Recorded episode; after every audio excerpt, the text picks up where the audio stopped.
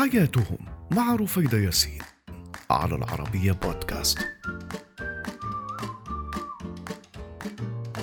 مرحبا أنا رفيدة ياسين وهذه هي حياتهم على العربية بودكاست. واليوم رحلة إلى أمريكا اللاتينية. تحديدا إلى جنوب البرازيل. هل سمعتوا قبل كده عن كانديدو يودوي؟ في سبب غريب لمعرفة المنطقة دي لأنها مليانة بالتوائم بسبب هتلر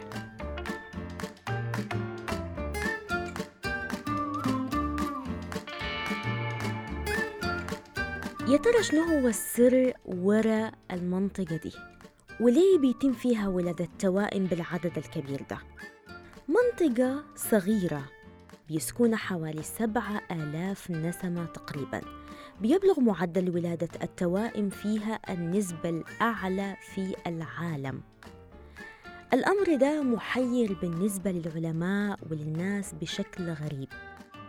علماء الوراثة حول العالم مهتمين بمعرفة السبب وكثير منهم بيزوروا المنطقة لإجراء العديد من الأبحاث. المدينة الصغيرة دي بتشتهر بعدد كبير جدا من المواليد التوائم عشرات العائلات فيها وضعت عشرات التوائم من المواليد. ظاهرة ملفتة للأنظار على مدار السنوات. الغريب في الأمر بيقال إنه السبب هو هتلر.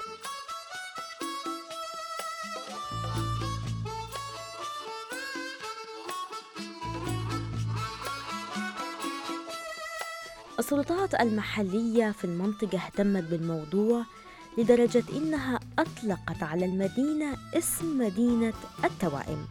مش بس كده كمان نصبت تمثال للخصوبة في وسط المدينة والتمثال ده أصبح مزار لعدد كبير من الناس.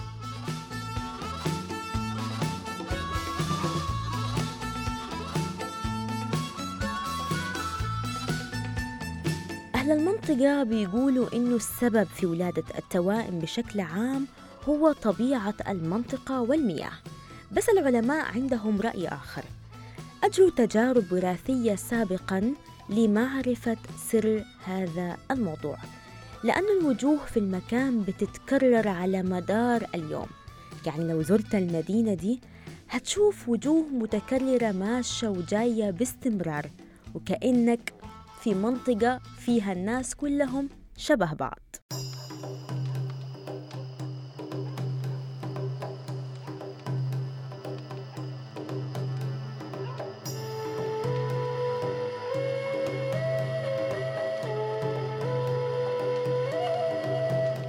الإحصاءات الرسمية بتقول إنه في مدينة كانديدو جدوي واحد على الأقل من كل عشرة حالات حمل بتقع في المدينة الصغيرة بتكون لطفلين توأم.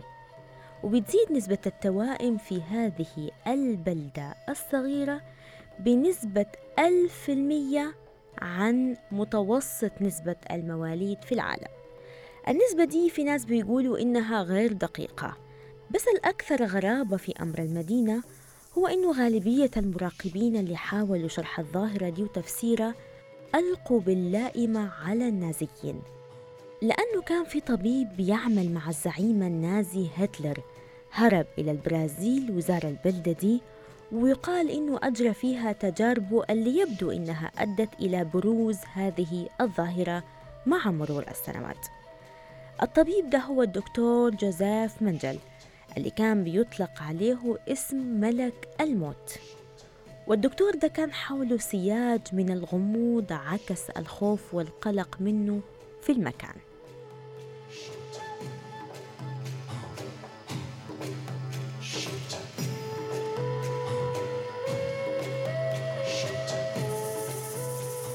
ما ذكر عن الطبيب ده بيقال إنه وصل إلى البرازيل هربا من الحروب اللي خاضها هتلر.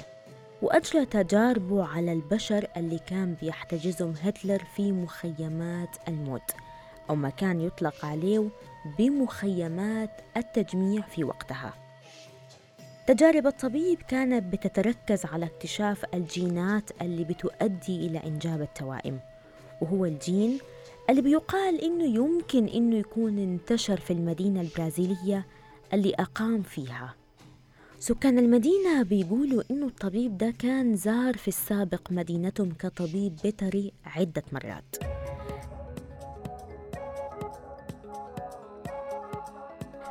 الزيارات دي كانت في الستينيات من القرن الماضي ولاحقا أجرى العديد من العمليات والتجارب الطبية على سيدات في المدينة دون ذكر السبب أو شرح طبيعة تجاربه للناس. بيقال إنه الناس كانوا بيستجيبوا خوفا من تداعيات رفضهم اللي هي ما كانت معروفة بس الناس كانوا بيخافوا منه.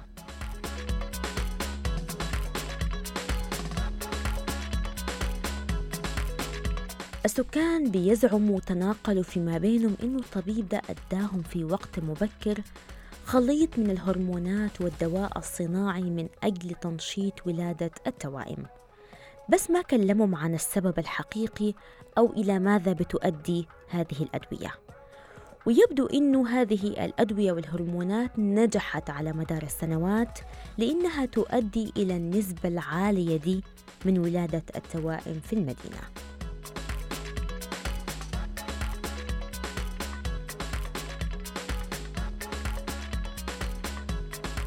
المؤرخ الأرجنتيني جورج كاماراسا بيقول في إحدى كتبه عن ملك الموت إنه بيتذكر الزيارات والسفرات اللي كان بيقوم بها الطبيب الألماني وإنه كان في الزيارات دي بيقوم بتقديم جرعات غامضة من الدواء للسيدات.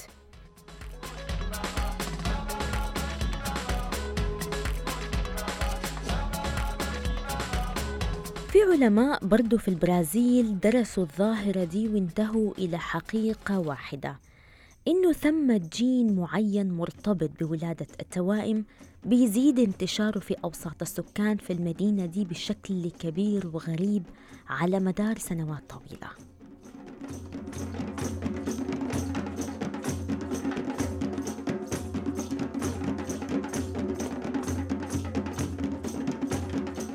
وبالرغم من أنه الظاهرة دي محيرة للعلماء والباحثين إلا أنها كانت سبب جذب ولفت للأنظار للمدينة وأقبل عدد كبير من السياح لزيارة المنطقة بس لرؤية هذا العدد الكبير من التوائم.